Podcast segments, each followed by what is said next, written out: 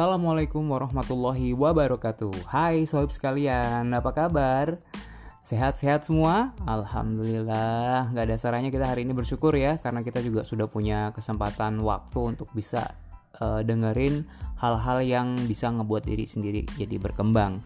Selamat datang saya ucapin di Selami Diri channel podcast yang membahas tentang pengembangan diri melalui materi-materi soft skill. Tuh, hari ini kita akan ngebahas hal yang serius tapi nggak berat, ringan, Cuman ini memang kaya akan nutrisi. Cie, langsung direkam dari ruang rekam aksimu di sekitaran Denpasar Bali barengan gue Gufron Mahendra ini dia selami diri selengkapnya. Enjoy!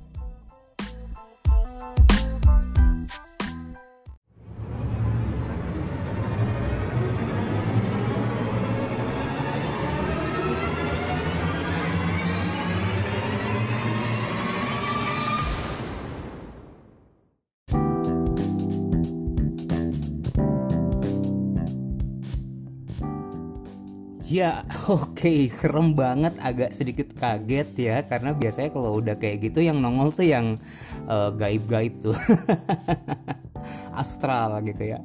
Oke, okay, nggak usah kaget itu cuman buat mancing penasarannya teman-teman aja. Teman-teman, uh, mungkin kita mau bahas dengan uh, pembukaan seperti ini ya. Kita mau ngomongin soal tentang orang yang nggak punya perencanaan waktu yang jelas Tentunya orang-orang yang nggak punya perencanaan waktu yang jelas dalam menjalani hari-harinya itu bakal akan sedikit berantakan. Bahkan bisa dibilang kacau karena kenapa? Karena setiap episode menit di hidupnya tuh bener-bener ngagetin banget gitu apa yang dihadapin dia nggak sesuai dengan apa yang menjadi ekspektasinya dia atau nggak ada gambaran bakalan terjadi seperti itu gitu ya. Sedangkan orang yang uh, punya perencanaan waktu hal-hal seperti ini tuh uh, kejadian di dalam hari-harinya tuh sangat jarang sekali. Beda sama yang nggak punya perencanaan waktu yang jelas. Jadi manajemen waktu yang buruk dalam keseharian kita itu membuat kita itu uh, bisa tertekan. Uh, karenanya itu akhirnya kita jadi mudah stres. Gimana? Enggak semuanya jadi kayak yang terburu-buru. Terus beberapa hal keputusan dat apa namanya uh, problem datangnya mendadak yang akhirnya ngebuat kita harus ngambil keputusan saat itu dan akhirnya membuat kita jadi ragu-ragu gitu ya dan akhirnya juga itu membuat kita mempunyai hasil yang nggak maksimal di semua sisi pekerjaan kerjaan A, kerjaan B, kerjaan C sampai kerjaan Z itu nggak ada yang selesai satupun gitu. Nah ini eh, apa ya membuat kita juga nggak bisa menggunakan sifat-sifat yang seharusnya bisa kita andalkan di dalam diri kita ataupun di dalam sumber daya-sumber daya lain yang ada yang ada di luar diri kita. Nah, oleh karena itu, manajemen waktu yang baik itu harus dan ini benar-benar kayak yang apa ya, wajib gitu ya, kayak yang mutlak gitu diperlukan untuk mengejar yang namanya kesuksesan dalam hal ini maksimalnya hasil kerja gitu yang namanya sukses. Sayangnya banyak orang yang nggak menyadari pentingnya manajemen waktu. Sehingga banyak orang pula yang menjalani aktivitasnya dengan jadwal yang kacau. Buru-buru punya jadwal. Orang yang nggak mengatur manajemen waktunya dengan jelas itu nggak punya jadwal. Yang nggak punya jadwal otomatis ketika datang ke tempat kerja dia nggak tahu harus mau ngapain. Karena dia nggak ada uh, angan-angan atau gambaran-gambaran apa sih yang harusnya dia lakukan atau dia selesaikan dalam satu hari itu. Nah, kira-kira kita kemasuk hal yang kayak gitu nggak sih? Termasuk orang yang kayak gitu nggak sih? Kalau iya, kayaknya kita benar-benar harus dengerin. Kalaupun enggak, ini akan jadi pelatihan kita selanjutnya untuk ngedengerin hal-hal yang lebih keren lagi. Ya, kayak gimana dampak lainnya? Mungkin teman-teman juga pengen tahu kan ya. So, kita masuk lagi lebih dalam tentang dampak buruk tidak memiliki perencanaan waktu.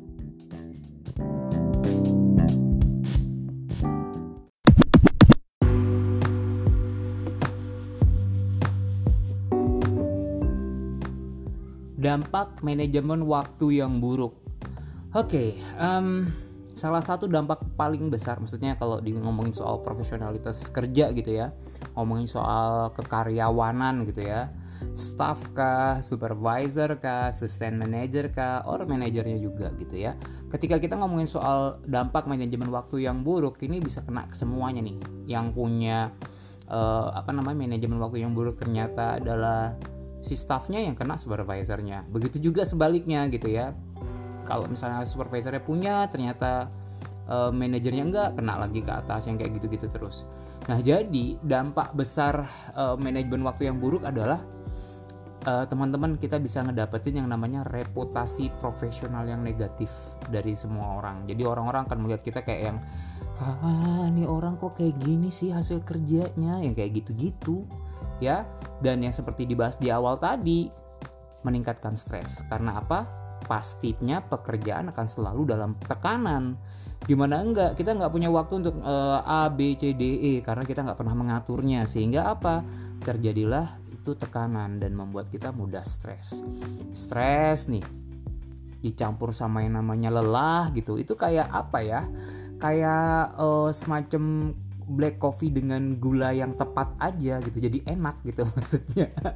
Lengkap stresnya gitu teman-teman. Begitu tekanan kerja dicampur dengan kekurangan waktu dicampur dengan capek gitu ya. Nah ini akan menyebabkan apa di ujungnya? Yaitu ketidakseimbangan kehidupan bakal terjadi.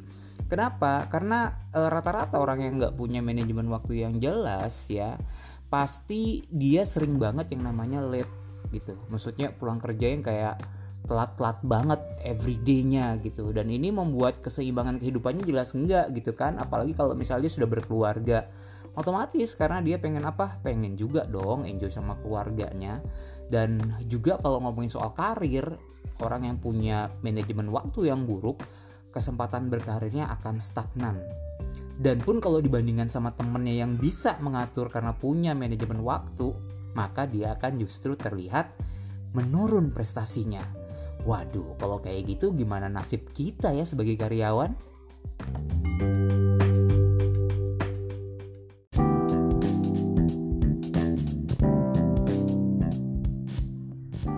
Oke, okay, now udah pada takut nih. Ya ampun, gimana dong gua nggak punya perencanaan waktu di dalam keseharian gue.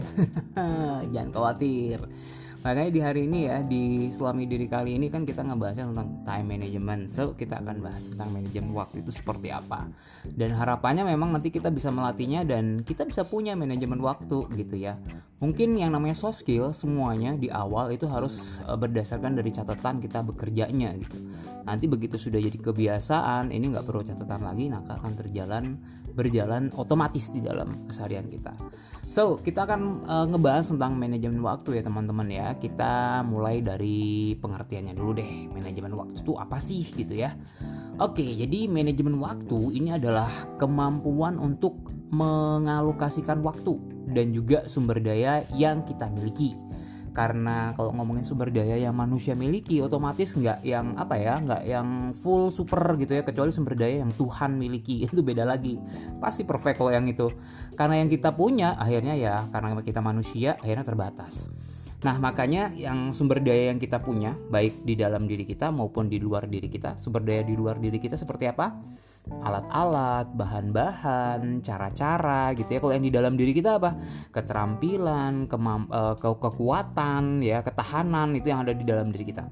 Nah, itu pasti terbatas semua kan. Nah, manajemen waktu adalah kemampuan untuk mengalokasikan waktu atau ngebagi-ngebagi semua sumber daya yang kita punya ya yang terbatas tadi kita alokasikan di dalam waktu-waktu yang ada untuk mencapai tujuan yang kita kehendaki untuk dapat uh, manajemen waktu yang tepat kita harus cermat dalam mengatur porsi ya. Baik untuk beribadahnya gitu ya baik untuk diri sendirinya baik untuk bekerjanya bahkan untuk kegiatan sosial yang lain kegiatan sosial yang lain itu yang berhubungan dengan orang ya kayak interupsi-interupsi kalau di tempat kerja itu kan juga bagian dari kegiatan sosial. Contoh ngebantu teman ya atasan minta dibantuin untuk mengerjakan sesuatu yang di luar jadwal kita itu adalah kegiatan sosial. Jadi kita harus bisa mengatur porsi-porsinya teman-teman. Jadi yang dimaksud dengan manajemen waktu sekali lagi kita mampu mengetahui apa yang ada di dalam diri kita dan juga apa yang ada di luar dalam diri kita sehingga kita jadiin satu kesatuan untuk bisa dikelola waktunya. Ini jam berapa, ini jam berapa, ini jam berapa. Seperti itu teman-teman. Itu kurang lebih tentang pengertiannya yang namanya uh, manajemen waktu ya kalau misalnya teman-teman uh, dari kemarin wah gue coba untuk ngatur waktu tapi ternyata sumber dayanya nggak teman-teman miliki maka anda sedang keluar dari kemampuannya teman-teman. Dan itu nggak pas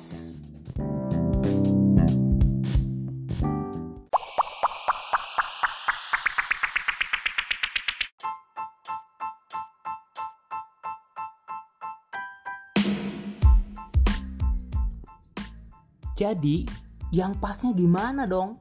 Yang pasnya adalah pengelolaan waktu itu lebih dari sekedar mengelola waktu kita aja, tapi lebih kepada bagaimana mengelola diri kita sendiri terhadap waktu tersebut. Jadi kan kalau semua orang kan punya waktu yang sama ya, 24 jam ya, tapi ada yang berhasil mengelola waktu tersebut terhadap dirinya sendiri, ada yang enggak gitu.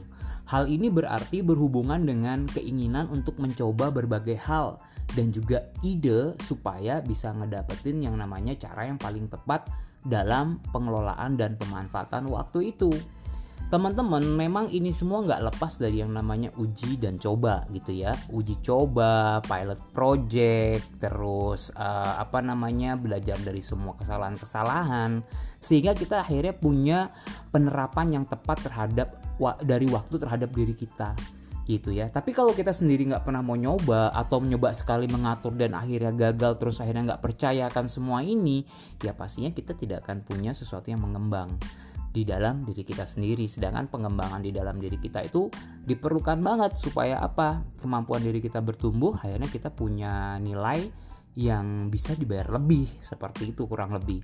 So sekali lagi coba deh untuk mengelola diri kita sendiri terhadap yang namanya waktu. Ya, oke, okay. tentunya ini bisa kita bagi. Kita bagi menurut yang paling penting dan yang paling urgent. Penting dan urgent. Oke, habis ini teman-teman kasih jeda sebentar untuk nyiapin kertas dan juga alat tulis. Oke, kalau ada buku sama alat tulis yang sudah disiapin, it's good karena kita sebentar lagi akan ngomongin soal metrik tentang penting dan juga urgent. Oke, disiapin ya.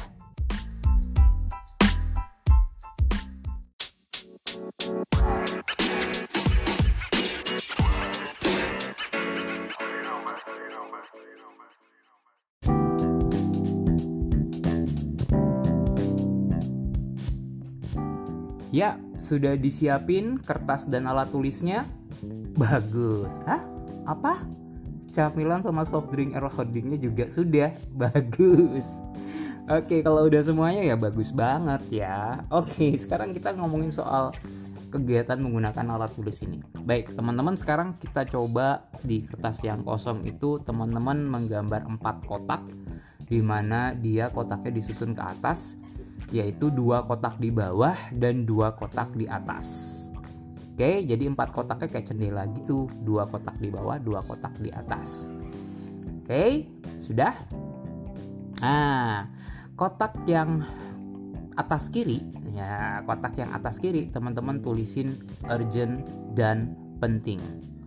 Oke, nah sekarang sudah urgent dan penting di kotak kiri atas. Di kotak kanan atas, teman-teman tulis di situ judulnya adalah penting tapi nggak urgent. Penting tapi tidak urgent. Ya, itu ditulis di kotak kanan atas. Sekarang kita ke kotak kiri bawah. Di kotak kiri bawah, teman-teman tulisin urgent tapi tidak penting. Tuh, ya. Tulisannya adalah urgent tapi tidak penting di kotak kiri bawah. Di kotak kanan bawah, kita pindah ke kotak terakhir yang belum isi judul. Kotak kanan bawah itu tulisannya adalah tidak urgent dan tidak penting.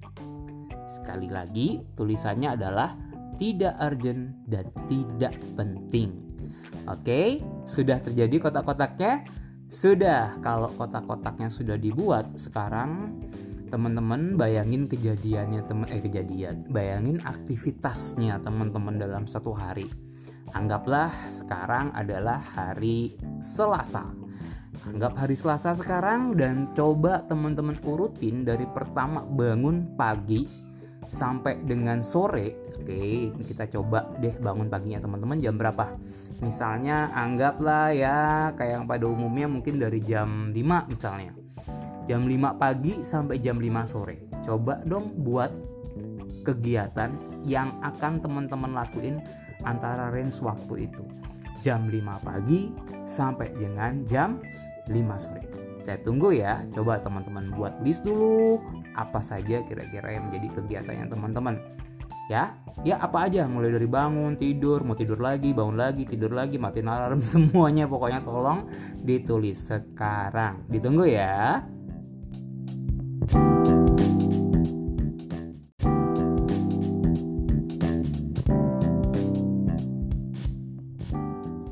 Oke, okay, kalau sudah teman-teman tulis jadwal hari Selasanya mulai dari bangun tidur hingga jam 5 sore, udah ketulis semua selamat. Berarti teman-teman paling enggak sudah tahu nih kira-kira kegiatan dalam satu hari di hari Selasa itu apa aja? Karena ada orang yang nggak tahu satu harinya dia ngapain aja tiba-tiba waktunya habis. Itu bahaya tuh. Ya buat yang sudah berhasil menulisnya sekarang tulisan tersebut teman-teman cocokin sama jendela yang kita buat tadi atau matrix tadi antara penting dan urgent tadi ya. Nah sekarang teman-teman coba tandain deh Kira-kira mana sih kegiatan yang masuk ke urgent dan penting? Ya, atau mungkin mana kegiatan yang masuk ke penting tapi nggak urgent? Oke, okay. mana kegiatan yang masuk ke urgent tapi tidak penting?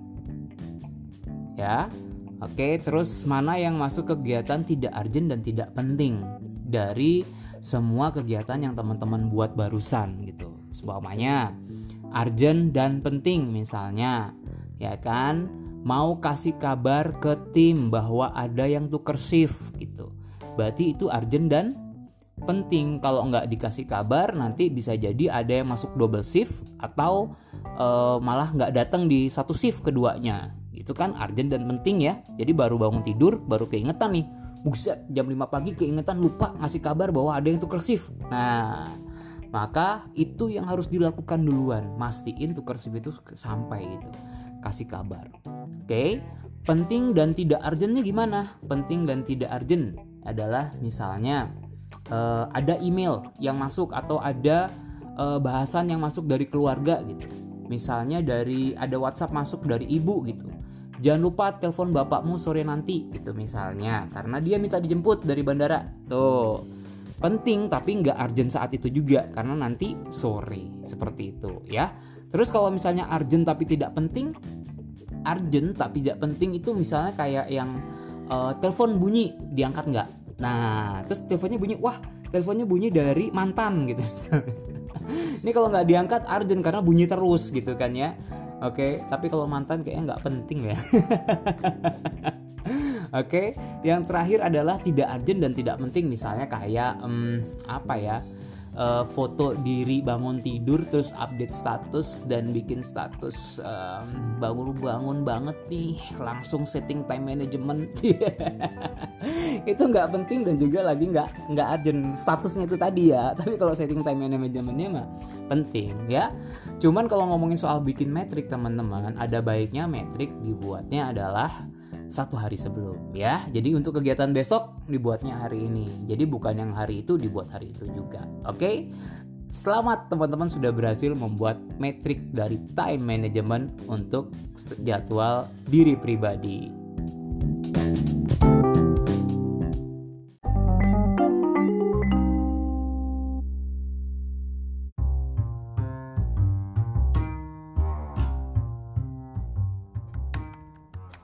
Oke, okay, kalau yang tadi sih memang harus sering diulang-ulang ya supaya kita jadi tahu nih bagaimana penerapan yang paling benar dan paling baik dari uh, waktu dan juga diri sendiri ya. Baik dari sumber daya yang kita punya di dalam diri kita dan sumber daya yang kita punya di luar diri kita, kita cocokin dengan waktu kita kira-kira mana yang paling bisa dipakai urut-urutannya maka itulah yang uh, bisa kita terapin. Nah, ini harus dicoba-coba terus ya jadi metrik yang satu itu belum tentu langsung bisa jadi klop gitu ya. Memang harus menyesuaikan dengan kegiatan yang akhirnya kita alamin beneran. Jadi kita jangan lupa untuk melakukan yang namanya uh, evaluasi dari uh, jadwal yang sudah kita buat dan juga bagaimana aktual yang terjadi. Ya, betul mirip banget kayak bahasan yang lalu tentang POAC. Jadi tetap harus dilihat-lihat ya.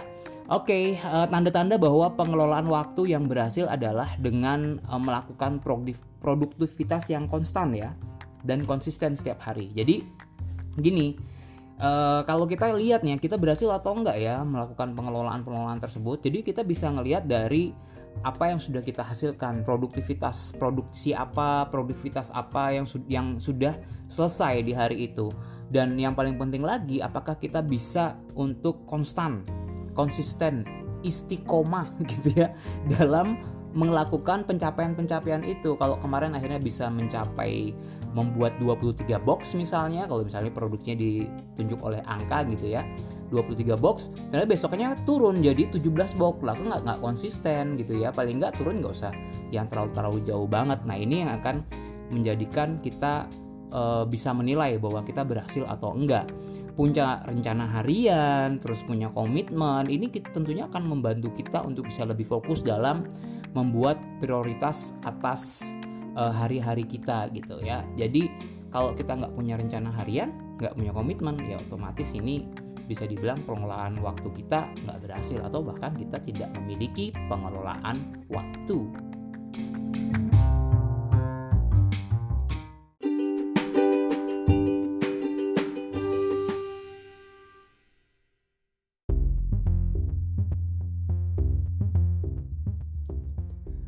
Oke oke, untuk lebih detailnya mungkin ini bisa ngebantu ya. Yang pertama teman-teman untuk ngomongin soal time management, teman-teman harus punya yang namanya buku catatan. Nah ini penting banget nih. Jadi di buku catatan tadi isinya yang arjen-arjen aja tuh ya. Jendela kita di kotak kiri atas gitu ya. Isinya buku catatan, terus di dalamnya ada tugas-tugas yang sudah diprioritaskan. Juga jangan lupa teman-teman kasih waktu durasi pengerjaannya berapa lama untuk setiap tugasnya dan dimulai dari jam berapanya dan kita juga jangan lupa centang atau coret semua tugas yang sudah berhasil kita selesaikan. Nah, bagaimana dengan yang nggak selesai nggak selesai? Kita kasih dulu deh 2-3 kali. Kalau misalnya sampai tiga kali, empat kali kita hindari tugas tersebut dan akhirnya nggak selesai juga, jangan-jangan tugas tersebut nggak cocok masuk prioritasmu. Karena kalau tugas itu cocok untuk masuk ke prioritas kerja kamu yang harus kamu selesaikan maka harusnya diselesaikan dong ya kan? Jangan ditunda-tunda ya. Ini kurang lebih harusnya punya ya yang namanya apa? Buku catatan oke? Okay? lebih uh, sorry. Bibirnya nggak nggak direncanain tuh barusan. Oke selanjutnya untuk apa namanya supaya kita bisa memaksimumkan kekuatan produktivitas harian e, dari diri kita. Yang pertama seperti yang saya bilang tadi dicatat ya harus yang namanya direncanakan satu malam sebelumnya. Jadi satu hari sebelumnya. Terus buku tadi harusnya selalu dibawa sama teman-teman tuh yang nomor dua untuk selalu siap mencoret atau mencentang eh, yang sudah selesai dan melihat apa yang akan dikerjakan dan persiapannya apa ya. Terus yang ketiga, ciptakan sensasi kepuasan. Jadi misalnya kayak yang habis ini gue mau kasih hadiah ke dalam diri gue, mungkin hadiah simpel-simpel aja kayak misalnya e, ngelihat pemandangan di luar, tarik nafas lebih dalam dan buang atau nyapa teman yang disayang sih gitu ya kan. Ciptain sensasi-sensasi kepuasan ketika sudah bisa yes gue lebih daripada yang kemarin yang kayak gitu. Yang keempat, buang tugas yang sudah ditunda sampai dengan tiga kali karena itu pasti nggak urgent banget tuh karena nggak dikerja kerjain sekali lagi ya kalau itu memang urgent itu memang harus dikerjain ya harusnya dikerjain. Nah itu semua akan membuat detailnya teman-teman dalam melakukan aktivitas time management akan lebih baik lagi. Dicobain dong jangan lupa ya. Eh udah ngantuk aja ayo cepet dimakan camilan sama minumannya jangan disiramin ke muka dimakan dong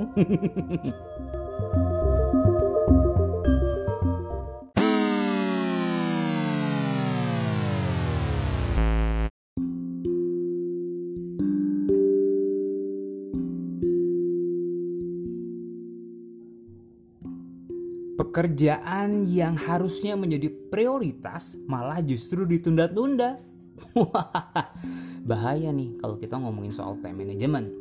Hmm, menunda-nunda tugas uh, pekerjaan yang harusnya menjadi prioritas itu istilah kerennya hmm, tantar gue inget-inget dulu namanya procrastination. Ya, procrastination artinya menunda-nunda tugas, pekerjaan yang seharusnya menjadi prioritas. Hmm, kemampuan untuk bisa menangani yang namanya procrastination juga bisa menangani tugas-tugas penting ini merupakan tanda-tanda kesuksesan seseorang. Cie, jadi kalau teman-teman mau dianggap sukses dalam ngomongin soal time management, berarti teman-teman mampu yang namanya menangani atau mengatasi procrastination yang sedang kamu alami gitu. Tapi memang kadang-kadang kita ngalamin juga. Apa sih sebabnya kok kita ngalamin atau kenapa kita jadi procrastination menunda-nunda pekerjaan gitu ya? Um, yang pertama nggak ada deadline yang jelas, jadi nggak dituntut untuk kapan selesainya, kapan selesainya, akhirnya kita tunda tuh. Ya, biasanya deadline nggak jelas itu datangnya dari sumber daya yang nggak mendukung biasanya akhirnya uh, ditunda-tunda karena sumber dayanya untuk menyelesaikan pekerjaan tersebut tidak didukung dari lini mana pun. Sehingga untuk dikerjainnya juga nggak yang diburu-buru karena jadi nggak ada deadline. Terus nggak tahu harus mulai dari mana. Ini juga yang ngebuat deadline jadi nggak jelas aduh ini mulainya dari mana ya dari atas nggak bisa dari bawah samping kanan kiri tengah aduh nggak mungkin semua nah akhirnya deadline jadi nggak jelas terus kita jadi procrastination tadi Oke, okay? ada juga deadline-nya jelas tapi kita merasa kewalahan. Nah, ngerasa kewalahan ini datangnya dari mana nih?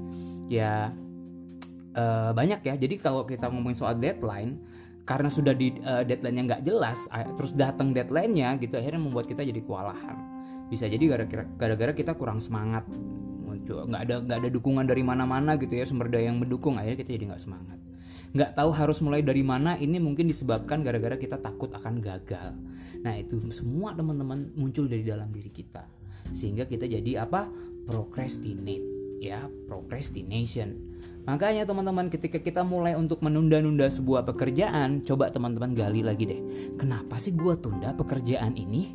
Gitu kalau misalnya teman-teman sudah gali nih dan tahu penyebabnya apa, coba call atau coba ngobrol dengan atasan atau dengan teman kerja yang bisa mungkin dimintain tolong untuk membantu ngedukung teman-teman dalam melakukan pekerjaan tersebut gitu. Sehingga apa? Kita tidak lagi menunda-nunda pekerjaan yang seharusnya menjadi prioritas.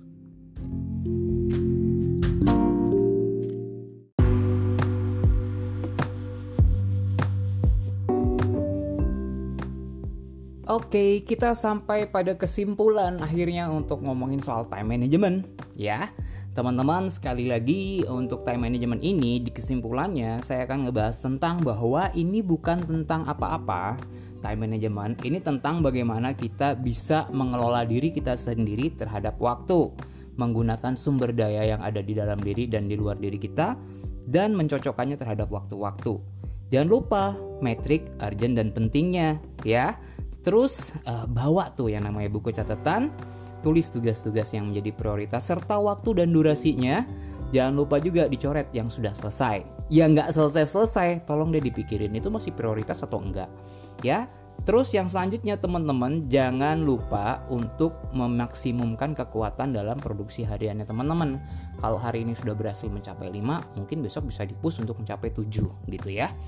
Dan jangan sampai ngalamin yang namanya procrastination, menunda-nunda tugas, pekerjaan yang harusnya menjadi prioritas malah ditunda-tunda dan nggak diselesaikan, ya kan?